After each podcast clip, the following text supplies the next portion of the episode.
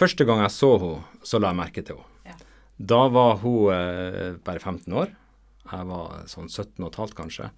Og jeg eh, fikk gleden av å hilse på Jeg så henne egentlig bare over gata. Men samme kveld fikk jeg eh, anledning til å hilse på henne. Og jeg dro fram gitaren og gjorde alt jeg kunne for å sjarmere henne. Dette er Senderpodden, podkasten som gir deg inspirasjon til å leve med Jesus i hverdagen. Mitt navn er Karina Jacobsen.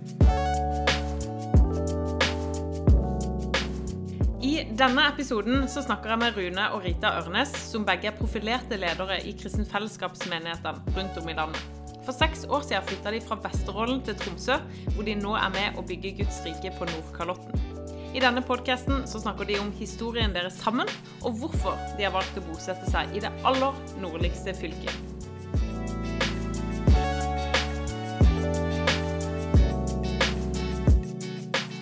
Hjertelig velkommen til Sennepodden, Rune og Rita Ørnes. Tusen takk. Takk skal du ha. Og nå sitter vi rett og slett nede i et eh, ferskt uh, podkast-lokale i eh, Dere har hatt eh, noen barn som har flytta ut, så nå har rett og slett eh, rommene begynt å få mm. nye utseender.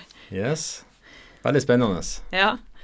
Um, dere eh, bor i Tromsø, eh, og vi skal få høre masse om livet deres i dag. Så dette blir egentlig en prat for å høre hvem dere er, og det livet dere har, eh, har levd og lever i forhold til menighet og der dere bor. Så det gleder jeg meg veldig til.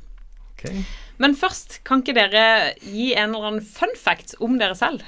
Jo, det Jeg kan ikke si noe om meg sjøl, jeg, jeg, føler ikke at jeg er så funny, men, men eh, etter 28 år i lag, sant, så, så kjenner vi jo hverandre rimelig godt og har lært å sette pris på de små, koselige, underlige særegenhetene hos hverandre, da.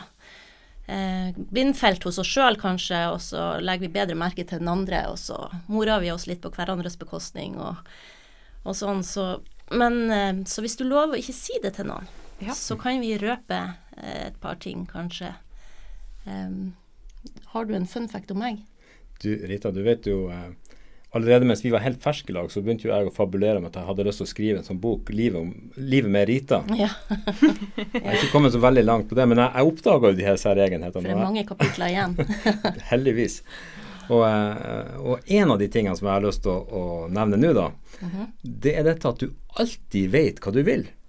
ikke det bra? Hvis ikke hadde jeg ikke vært gift med deg. det, ja, det er jeg takknemlig for.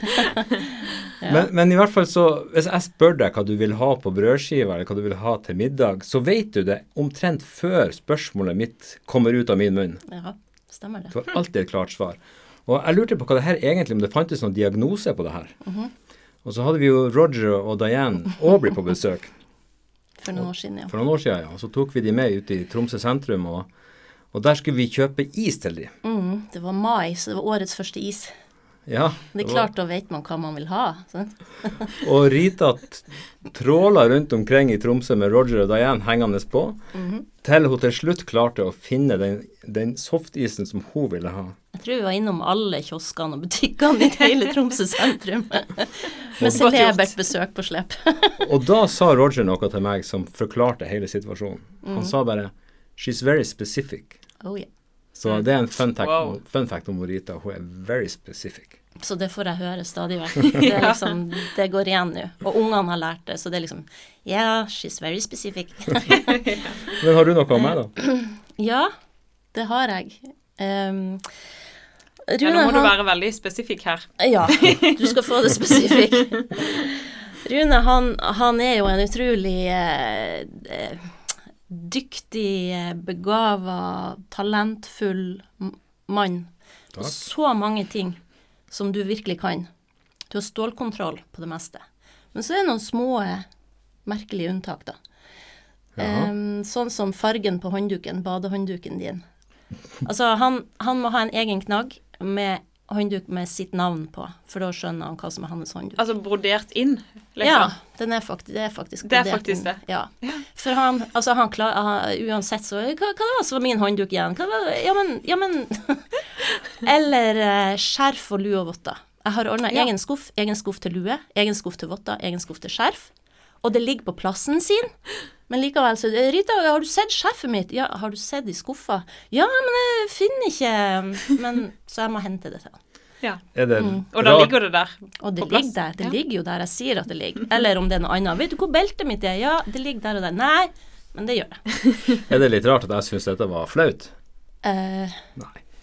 Ja, men jeg starta jo med å si masse Ja, fint du om gjorde deg. det. Jeg sa altså, du kan jo så masse annet som kanskje er bedre å kunne. Og så skal man jo utfylle hverandre som kone og mann. det Jeg må jo, Hvis du kunne alt, hva skulle du med meg da?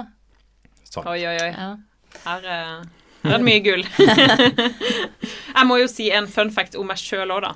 Fordi at uh, i Senderpodden så står det jo at jeg fortsatt heter Karina Jacobsen. Ja. Men eh, det har jo skjedd noe nytt eh, i det siste. Yeah. Så siden sist så har jeg blitt eh, Karina Eidem. Fru Eidem. Fantastisk. Blitt gift. eh, Men så er det sånn at det er litt sånn styrete å drive og endre på liksom sånn layout og sånn i, i podcast-app og for liksom statistikk og sånn. Så det kommer til å fortsette å stå Karina Jacobsen. Yes. Men eh, det er veldig fint. Mhm. Du, dere er jo nordlendinger til blods, kan jeg kalle dere det? Mm. Eller hvor er dere egentlig fra? Jeg er jo ikke egentlig det sånn helt, Nei? men jeg er jo blitt det. I hjertet Ja. så er jeg det. Ja. Ja, men kanskje ikke avstamming. Og dialekter er litt uh, variabel, men, uh, men fra jeg var fire og cirka til i dag, så er det jo Nordland og Troms jeg har bodd i. Ja. Sånn med et lite unntak nede i Trøndelag. Men jeg, jeg fant ut at jeg hørte hjemme i nord. Ja. ja. Men det er jo en litt annen fun fact med deg at du faktisk er født i Buenos Aires i Argentina. Ja, Oh, Siden far din var sjømannsprest. ja, Ja. stemmer det. Så, men jeg er også, ja, jeg er nordlending, og jeg er helt nordlending da. Så eh, begge mine foreldre kommer fra Nordland fylke. mm. Og eh, Rita, du var jo med i en podkast tidligere i høst, Ja. i fjor høst. Og Rune, du har jo også vært med på eh, Sikkert på en del podcaster med Hanne. Aldri. Aldri! Men jeg Nei, har, jeg har nok eh, lest inn ganske mange bibelkvarter. det har du. Så hvis du som hører på ikke har sjekka ut Bibelkvarteret, så har vi også en podkast på sånn 15 minutter hvor. Rune, Rune sin stemme er på mange av de. Det stemmer. Eh, men altså, vi må jo høre litt om dere. Hvordan kjærlighetshistorien deres, hvordan dere møttes, og når dere møttes. Ja. Jeg tror jeg må starte der litt. Altså, for å ta det litt sånn kjapt, da. Første gang jeg så henne, så la jeg merke til henne. Ja. Da var hun eh, bare 15 år. Jeg var sånn 17 og et halvt, kanskje. Og jeg eh, fikk gleden av å hilse på Jeg så egentlig bare over gata. Men samme kveld fikk jeg eh, anledning til å hilse på. Og jeg dro fram gitaren og gjorde alt jeg kunne for å sjarmere henne. Men det var først eh, en måneds tid etterpå, da var, vi, da var vi på et sånn kortreff. Det var to ungdomskor som hadde en felles weekend. Og, eh, og da var jeg rett og slett forelska. Så, Ja. så jeg brukte all min energi på å få oppmerksomhet ifra henne. Ja, fikk du det? Hun var veldig sjenert. Eh, sånn at eh, det gjorde jo det bare enda mer spennende. Altså, jeg, jeg, tro, jeg kunne ikke tro at han seriøst var interessert i meg. Jeg trodde at hadde egentlig gjorde seg til for noen andre, men på en måte tok det ut på meg for Ja. å Ja. Men uh, For å få tak i noen andre? ja, det var det jeg trodde, da. Det Så- var en ganske håpløs teori. Jeg mener jeg var ganske tydelig i kroppsspråket. Men uansett, i hvert fall så eh, etter denne Viken så, eh, så passa jeg på å sende henne et kort, et gratulasjonskort nå hadde bursdag. Og jeg hadde faktisk allerede da noen vikartimer som lærer, og da hadde jeg en svømmetime. Og ei venninne av hun som bodde der som jeg bodde, hun var i denne svømmeklassen da. Så jeg fikk de andre elevene til å svømme litt bort, og så satt jeg og prata med henne og spurte henne ut uh, om alt som hadde med Rita å gjøre. Og det her, det, heldigvis så ble det videreformidla per telefon til Rita, så hun skjønte jo at nå var det noe på gang. Ja. Og så uh, skulle Rita hun skulle besøke denne venninna, og Rita bodde i Lofoten i den tida, og jeg, jeg la en slu eh, slagplan der jeg sørga for at når hun reiste med buss fra Vesterålen til Lofoten, så var jeg der òg. ja. Og det her var onsdagen i stille uke. Det var ingen andre eh, passasjerer. Så vi hadde bussen rett og slett for oss sjøl. Ja, først så var det jo, brukte du jo påskeferien når jeg var hos hun venninna. Du inviterte oss på filmkveld, og du tok oss Altså, ja, du la opp til litt sånn tilfeldig treff med litt andre folk også, men, men eh, Så vi møttes jo jevnlig da, den ja. påska. Ja. Og så når jeg skulle dra hjem etter påskeferien, da skulle plutselig han med samme buss for å besøke en kompis i Lofoten. Selvfølgelig. Ja, ja. Så da ble det full klaff. Og um, Da var jo Rita blitt 16, og jeg syns jo fremdeles det er tidlig. 16 år og to uker. Ja, Ja. Ja, ja. det, det er jo fremdeles tidlig, da, men, men uh, vi opplevde at uh, det var rett, og vi er veldig glad for det i dag. Ja. Og nå er vi jo i midten av 40-årene og skal snart bli besteforeldre. Og, Oi, oi, oi. Fantastisk. Ja. Men eh, når gifta dere dere? Det var i 96. Det var sommeren etter jeg var ferdig på videregående. Ja, så da, var Så dere, da hadde dere vært sammen noen år, da? Tre år og tre måneder hadde Ja. vi vært sammen. Og så var jeg 19, og han var nesten 21. Hvordan var det på den tida? Fordi nå er det jo, ikke sant, er det noen som er 19 og 21 som kommer og gifter seg nå, så får jo folk eh, sjokk. Ja. Hvordan var det på den tida for dere? Det var jo litt sånn da òg. Ja. Eh, kanskje ikke i kristne Jo, i kristne kretser òg, kanskje. Men eh, altså, vi hadde jo vært sammen i over tre år. Og vi hadde altså Jeg kjente folk som ble samboere, som gikk i klassen min, som hadde samboer når de gikk på videregående, og ingen, Ja. ingen sa noe på det, liksom. Så eh, ja. Vi, eh, vi gjorde det nå i hvert fall, Ja. og har ikke angra på det. Ja. Nei, vi fikk ikke noen negativ respons på det. Det var jo noen som syntes det var tidlig. Ja. Mm. Men det var nesten litt Det var litt kjekt å være annerledes. ja. Men vi har jo alltid sagt at det handler om å ta et valg og stå for det. Uansett alder. Ja, Mm. det er sant.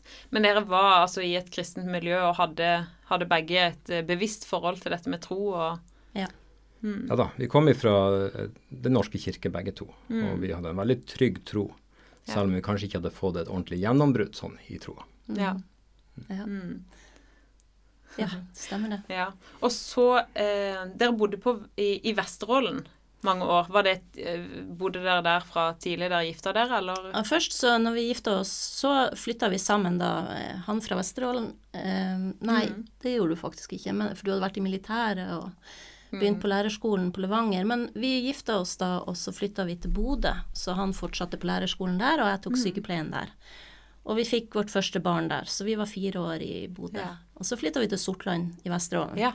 Litt sånn tilbake dit da, for å komme nærmere besteforeldre for å ha, altså til ungene våre. For å få litt avlastning og sånn. Og, ja. Og det var der dere ble en del av kristent fellesskap? ja. Ja. Ja. det, altså, den siste tida i Bodø, Mm. da opplevde jeg eh, en veldig sånn tøff tid i forhold til troa. Mm. Det var ganske mørkt, og um, vi var aktive i et uh, kirkekor, og vi gikk på gudstjenester og sånn. Men, eh, men jeg kjente at det bare Det tok uh, det tok motet fra meg. Jeg, jeg kjente ingen glede med det, og jeg gikk ute om kveldene og, og jeg ba høyt til Gud uh, om at noe måtte skje. Hvis ikke han hadde noe mer å by på enn det jeg hadde opplevd Ja. så langt, så, så var jeg ikke interessert. Ja. Så når vi flytta til Sortland, da ba vi sammen om at uh, nå måtte Gud vise oss noe nytt. Mm. Og vi hadde ikke bodd der mange uker før vi fikk besøk av en fra Kristent Fellesskap som inviterte oss med. Ja. Mm. Og der starta vår historie med Kristent Fellesskap. Ja. Mm. Mm. Og da, eh, da var dere i gang med småbarnslivet? ja. Vi hadde jo fått en, Vi hadde en ettåring da, Mm. og en ny på vei, så vidt. ja. Så eh, vi var jo det. Mm. Eh, ja. Og og, eh, hvordan så da menighetslivet ut for dere, eh, kombinert med småbarnsliv og full pakke? Altså Først så hadde vi jo eh, veldig behov for å skjønne det her med Gud Ja. og med menighet. Mm. Eh, og eh, det var krevende, fordi at eh, vi ble jo presentert en annen teologi enn vi var vant med å høre om. Ja. Spesielt knytta til dåp og dåp i Den hellige ånd. Så, så det var en krevende fase. Eh, Hva, men- var, hva var nytt for dere der? Ja, altså For det første så skjønte vi jo at hvis vi skulle bli døpt, så ville vi skuffe folk i familien. Mm. Og Rita sin pappa var jo prest, så det sier seg sjøl at, at for han var jo det tungt. Eh, men, men det var flere i familien som ville ta det tungt hvis vi valgte å bli døpt. Og, og Rita spesielt også syntes at dette med Den hellige ånd og tungetall og sånn hørtes eh, veldig eh, unødvendig ut. Og det var nok ikke noe som passa for henne. Nei, jeg ble veldig provosert over det der maset der. Det var Jeg tenkte jeg hadde jo vært kristen hele livet, og tenkte, så uvitende som jeg var, at det der hadde jeg ikke bruk for. Men det var jo mer egentlig det at jeg var stolt. Sant? Jeg hadde gjort opp en mening, og ingen måtte komme og fortelle meg noe nytt. Og samtidig så hadde jeg jo bedt til Gud. Gud, har du noe mer? Ja. Og så sier Gud ja, ta en titt på dette, Rita. Så, så jeg møtte jo meg sjøl i døra og Ja. kom til at ok, jeg har faktisk bedt om at, at Gud skal vise meg noe jeg ikke har sett før, og så gjør han det. Og han åpna jo øynene mine for Jeg måtte jo begynne å lese Bibelen på nytt også, eller med nye øyne, med nye briller, kan Ja. du si. og da så jeg det jo. Så det var jo en prosess med, med stolthet da, som jeg måtte gå. Og, så, og det å tørre å ta, ta nye steg og ikke, ikke, ja, ikke kunne alt fra før, men våge å prøve noe Ja. nytt. Ja. Men når vi da ble døpt, og, og, eh, så var det startpunktet til en, en fantastisk spennende tid. Og vi opplevde jo at Gud begynte å gjøre en slags ransakelsesprosess i, i vårt indre. Og vi fikk en helt ny eh, dialog og, og eh, en dybde i fellesskapet og i Gud. Så, så ekteskapet også fikk på en måte en uh, veldig frisk og god start i den tida der. Ja. Så var vi så heldige at vi fikk Børge og Tone Bensen på besøk ukentlig, som ville legge grunnvollen. ja. Så de underviste oss om de her, de her grunnleggende ting i kristenlivet, og de var så trofast. Så når vi hadde da utfordring med dette med barnevakt og sånn, så kom de til oss i stedet. Så det var veldig fint. Mm. Det gjorde jo at vi fikk mulighet til å gå sammen de skrittene, ikke sant? den Ja. prosessen der Gud viste oss nye ting og tok, tok oss steg videre. Og, og, eh, så det var jo, det var jo fantastisk. Ja, og jeg husker sjøl dette med Vi starta en sånn hus, husgruppe i Kristiansand. Og da jo, jeg jo var jo vokst opp i frikirkemiljø og ikke var vant til dette med Helligånd og dåp og sånt. Og det er jo, var jo noen da som kom og hadde undervisninger med grunnvollen om liksom dåp og Den hellige ånd og hele den pakka, som blei på en måte det var akkurat som jeg tenkte at hvorfor har ingen fortalt meg det før? Mm. ikke sant, den derre bare få på plass den grunnvollen eh, Ja. tror jeg er viktig for, me for menighetsliv og Veldig, veldig viktig. Det var, det var en helt ny eh, glød på innsida. Det var en helt ny drive. Ja. Det var en ny passion. Det var et nytt overskudd, rett og slett. ja. Og samtidig så var det jo eh, du ser, helt nytt overskudd. Eh, Sånn eh, ånda i oss våkna og Ja. fikk et nytt overskudd. Ja. Men eh, som eh, småbarnsforeldre så var det jo ikke så masse overskudd eh, etter hvert som det skred fram, da. ja. Og eh, det var jo husfellesskap Altså det var søndagsmøter, og så var det husfellesskap en gang i uka. Og det var jo sånn at eh, vi Ja, en periode så gikk vi annenhver gang, eller vi prøvde å få barnevakt. Men så begynte jeg å legge merke til at hver uke når det kom til eh, den dagen det skulle være gruppe, Mm. så var jeg så trøtt, og jeg var så sliten, og det var liksom Det passa aldri, eller jeg følte aldri for å gå. Og i starten så, så, så ga jeg etter for det, og så sa jeg ja, men du får gå du, Rune, for jeg, jeg, jeg får passe ungene. Og så tenkte jeg, jeg hadde jo, da hadde jeg jo alibi for å være hjemme og Ja. hvile og sånn. Men så syns jeg det ble veldig påfallende at hver bidige onsdag så skulle jeg være sliten og trøtt, og så tenkte jeg Så begynte jeg å si til Gud at eh, ja, eller jeg, jeg, jeg ba om at jeg skulle få krefter til å gå, og så prøvde jeg å gå, og så merka jeg at hver gang jeg da overvant den terskelen og gikk, så, eh, så fikk jeg jo ny kraft og ble forfriska og ble oppmuntra og erfarte at Gud brukte meg og ga meg ord, og så det ble jo en sånn opptur. Sant? Ja. Så da skjønte jeg jo etter hvert at det var det sto faktisk en åndelig kamp. Altså, det, Ja. det var en som ikke ville at jeg skulle få den opplevelsen og bli forfriska og oppbygd og sånn. Og da måtte vi jo begynne å, å å bare bestemme oss. Altså, da tok jeg en bestemmelse om at eh, jeg, jeg skulle ikke kjenne etter hvordan jeg følte meg. Ja. Det skulle ikke få styre om jeg gikk eller ikke. Jeg skulle gå, og ferdig med det. Så da begynte jeg å gjøre det. Ja. Ja. Det er sant. Så, Og, og når, eh, når vi etter hvert flytta fra Sortland til Øksnes, Mm. så ble vi også velsigna med noen fantastisk gode vennefamilier. Ja. Der vi kunne leve menighet i fellesskap Mm. med ungene. Så vi hadde veldig mye sånn uformelt fellesskap. Mm. Og eh, barna ble godt kjent med hverandre. Ja. Vi kunne spontant be i lag, vi kunne leke med ungene. vi starta barnegruppe. Det gjorde vi. Mm. Og det var jo en kjempevelsignelse også for andre unger. Mm. Vi dro på helgeturer, vi dro på skiturer og Gymsal. ja. Så, og så var det selvfølgelig gruppekveldene. Da var det noen ganger måtte bare én av oss gå. Andre ganger hadde vi barnevakt, så det ble noen utgift, utgifter på det. Men så var vi også velsigna med gode besteforeldre, da, som steppa Ja. inn og, og tok de en del. Så det var jo gull verdt. Mm. Ja. de, de får stor lønn i himmelen. Ja, det gjør det. Ja. ja, det var mange slitsomme år også. Det er klart Vi bygde jo hus oppi det her. Vi hadde to barn og bygde hus. Eh, Men Gud var trofast gjennom alle ting. Så kom det tre barn. Ja. Så kom det fire barn. Ops. Og så kom det etter hvert noen store prøvelser òg. Ja. Ja. ja. Ah, du nevnte jeg har jo, jeg har jo gjort en podkast allerede med deg. Ja, det har du. Du kan reklamere for den. ja, ja, det kan jeg gjøre. Ja, for du eh, Rita, du har jo fortalt om historien din i forhold til sykdom. Mm. Så du, eh, du sto jo i mange år med, med sykdom, og da kan du gå inn og høre podkast fra, Mm. fra høsten 2020 med Rita, og kan du få høre det vitnesbyrdet, for det er et sterkt vitnesbyrd. Mm. Ja. ja, det var jo sånn at jeg, i korte trekk vi fikk, eh, fikk barn, og jeg jobba på sykehjem, og det var tungpleie på jobb, og det var tette svangerskap, barnefødsler og nattevåk hjemme, og det ble, det ble hard, eh, hard belastning på kroppen. Så jeg ble jo etter hvert eh, syk, og det ble veldig tungt. Men Gud er god, Yes. Gud er trofast, så jeg ble jo helbreda til slutt, Mm. selv om det tok noen år. Ja, det er fantastisk. Mm. Mm. Ehm, så dere har, eh, har virkelig hatt eh, både tøffe år, men òg virkelig sett Guds godhet eh, midt i, i hverdagslivet og det Ja. dere står i. Ja, det kan vi vitne. Definitivt. Gud har vært trofast hele veien. Han har Ja. vært med hele veien. Og så har han Det er ikke alltid man ser der og da i situasjonen hva Gud gjør, da. Mm. Og, men det som er så fantastisk, Gud bruker alt. Mm. Kan han, det snur han til det gode Ja. for den som frykter og elsker han. Og, så jeg ser jo nå i ettertid at de tunge, Mm. tunge årene, så, så ble vi jo litt eh, Noe kjøtt ble brent bort, og noe ombygging på innsida. Ja. Ja, noe tok han fra oss, og så ga han oss noe nytt. Ja. Og så kom vi styrka ut av det. Mm. Det er typisk Gud. Sånn er han. Ja, det er godt. Og så flytta dere Da var det fra Øksnes dere flytta til Tromsø? Det stemmer, ja. Ja. Og da har jeg, jeg har liksom hørt eh, når jeg har prata med dere før, at det var liksom Det var ikke bare grønne lys når dere skulle flytte til Tromsø. Men hva var, hva var opplevelsen deres? Hva var det som gjorde at dere flytta til Tromsø? Ja, altså, vi, vi opplevde jo at vi hadde et grønt lys ifra Gud. Ja.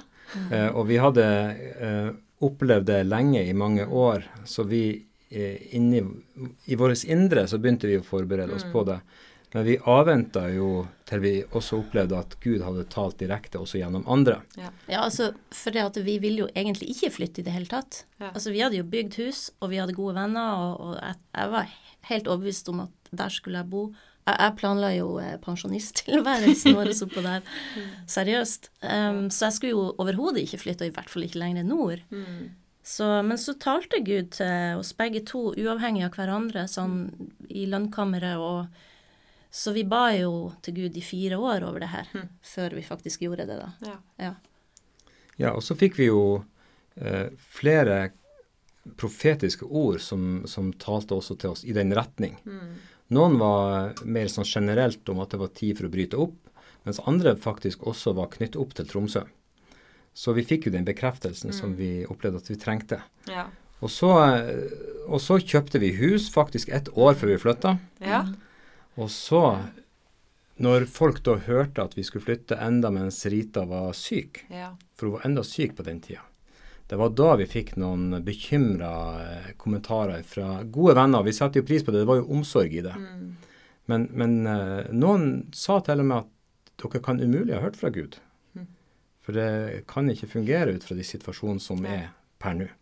Og det her var jo da høsten 2014, men var det 25. januar 2015 at du Ja, da våkna jeg opp uten smerter i kroppen, og, bare plutselig så var jeg som en ungdom i kroppen igjen. Og det var jo helt fantastisk, for jeg var da, da var jeg egentlig eh, så syk at jeg kunne ikke gjøre noen ting, så det var jo helt fantastisk. Og da hadde jeg jo et halvt år på å trene meg opp og komme til krefter igjen og pakke og flytte, så det gikk jo, det gikk jo som smurt. Det gjorde Ja. det, og, og, og nå har du ja, dere må inn og høre det vitnesbyrdet. Ja, og nå har du jo eh, vært i jobb i, i tre år i, i eh, Bufetat, og nå er du akkurat startet i en ny jobb, så, Mm. Ja. så det er en, eh, en gjenreisning Gud er fra god. Gud. Ja. Mm. Mm. Men vi fikk, jeg har lyst til å nevne Ja. noen sånn konkret eh, profetisk ord vi fikk, Mm. fordi at eh, Vi kan jo si at det var Erling Thu. Ja, ja. Nå har jeg jo sagt det. ja. Det Så han, han profeterte til oss eh, 15 måneder før vi flytta, så profeterte han det er tid for å rykke opp teltplugene. Ja. Så sa han at vi skulle ikke være bekymra, for Gud skulle ta vare på oss. Han skulle ha omsorg for oss i alle ting. Og så sa han veldig konkret Gud skulle ta seg av hus, økonomi, helse og ungene. Wow. Mhm. Og vårt vitnesbyrd er nå at ja, det gjorde Gud. Ja. Han har tatt vare på absolutt alt. Og det var jo Det betydde jo masse det, da det ordet kom, fordi at sånn, for meg så var det med ungene var en sånn ting at jeg, jeg tenkte hvordan kan jeg flytte fire barn fra landsbygda opp til Tromsø by? Jeg hadde, hadde jo hørt at det var tøft miljø og narkotika og greier, og nei, jeg tenkte uff. Altså, det er greit, kanskje én finner seg til rette, men alle fire, liksom. Det, skal det være mulig? Og så kom det ordet at Gud skulle ta seg av ungene våre. Eh, Gud så våre behov, og han, han skulle ta seg av våre behov. Og det har han jo gjort. Og i forhold til det med ungene, så, så har de jo alle fire eh, relativt kort tid etter vi flytta opp, så kom de uavhengig av hverandre og takka oss for vi hadde flytta. For de Ja. så at, at Gud var med og velsigna, og de opplevde at det ble bra. Selv om de ikke hadde egentlig trodd det når vi sa vi skulle flytte. Og en, en, ei av de var jo veldig trist og lei, for hun hadde så masse gode venner og skjønte ikke hvordan dette skulle gå. Men hun, ja.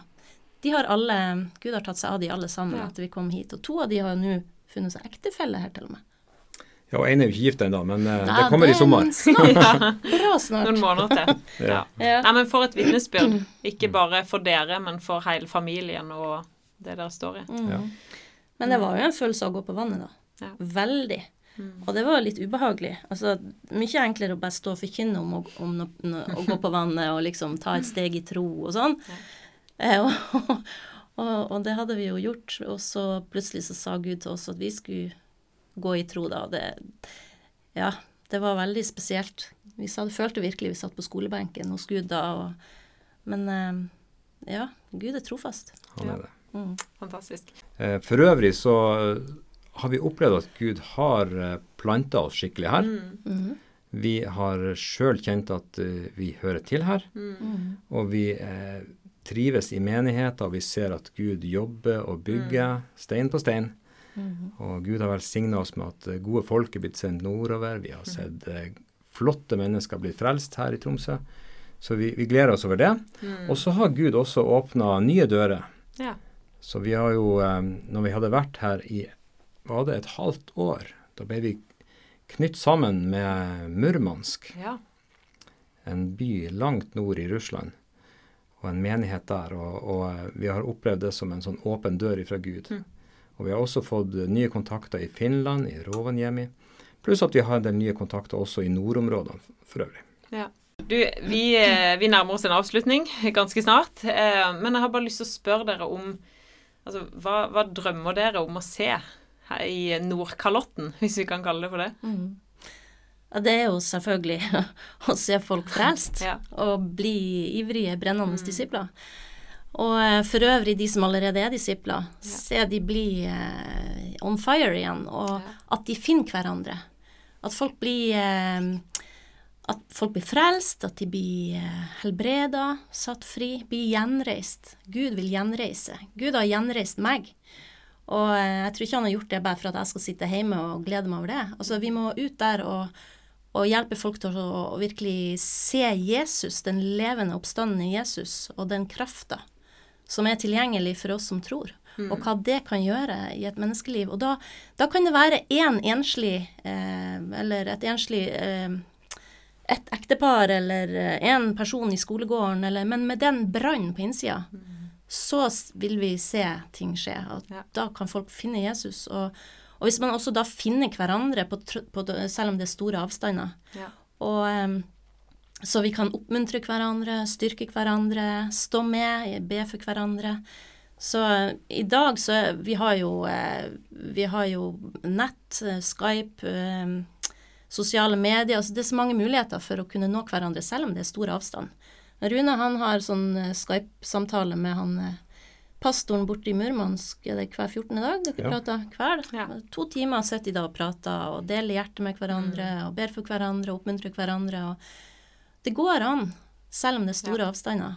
Og, og eh, vi drømmer jo om å se folk eh, finne Jesus, eller bli eh, satt i brann på nytt, eller, og, og finne hverandre, da. Sånn at Guds rike går fram også i nord. Så Ja. det er Ja. jo det vi drømmer om. Mm. Vi har jo, vi har jo faktisk arrangert en konferanse. ja, det var den jeg skulle spørre om. ja, vi har jo arrangert to konferanser faktisk Ja. i Tromsø, og den siste det var for snart to år siden. Og vi kalte den for 'Stronger and Closer' av et profetisk ord som kom. Og det navnet der, det uttrykker egentlig hva vi, hva vi lengter etter. Ja. Vi lengter etter menigheter som er sterkere, og som står tettere sammen. Mm. På tvers av geografi, på, på tvers av alder og kultur, så kan vi stå sterkere sammen og uttrykke hvem Jesus er her i nord. Mm. Yes. Så bra. Mm. Du, tusen hjertelig takk, Rune og Rita, for at dere var med i Senderpodden. Eh, og jeg har bare lyst til å si til deg som hører på, at eh, er du eh, Har du familie, eller er du singel, eller uansett hvilken livssituasjon du er, så tror jeg vi kan ta med oss dette her med menighetsliv og det å eh, tørre å stå i ting over tid, og tørre å være med og se eh, at Guds rike går fram på den plassen vi bor. Og om det er på et sted hvor det er vanskelig eller lett å plante menighet, så kan vi få være med og se at vi står sammen som fellesskap og som eh, folk på, på det stedet vi bor. Um, så skal vi få være med og se eh, mange menigheter både å plante og vokse i tida som ligger foran. Amen. Yes. I Nord-Norge og resten av landet. Yes. Så da er det bare å si vi høres.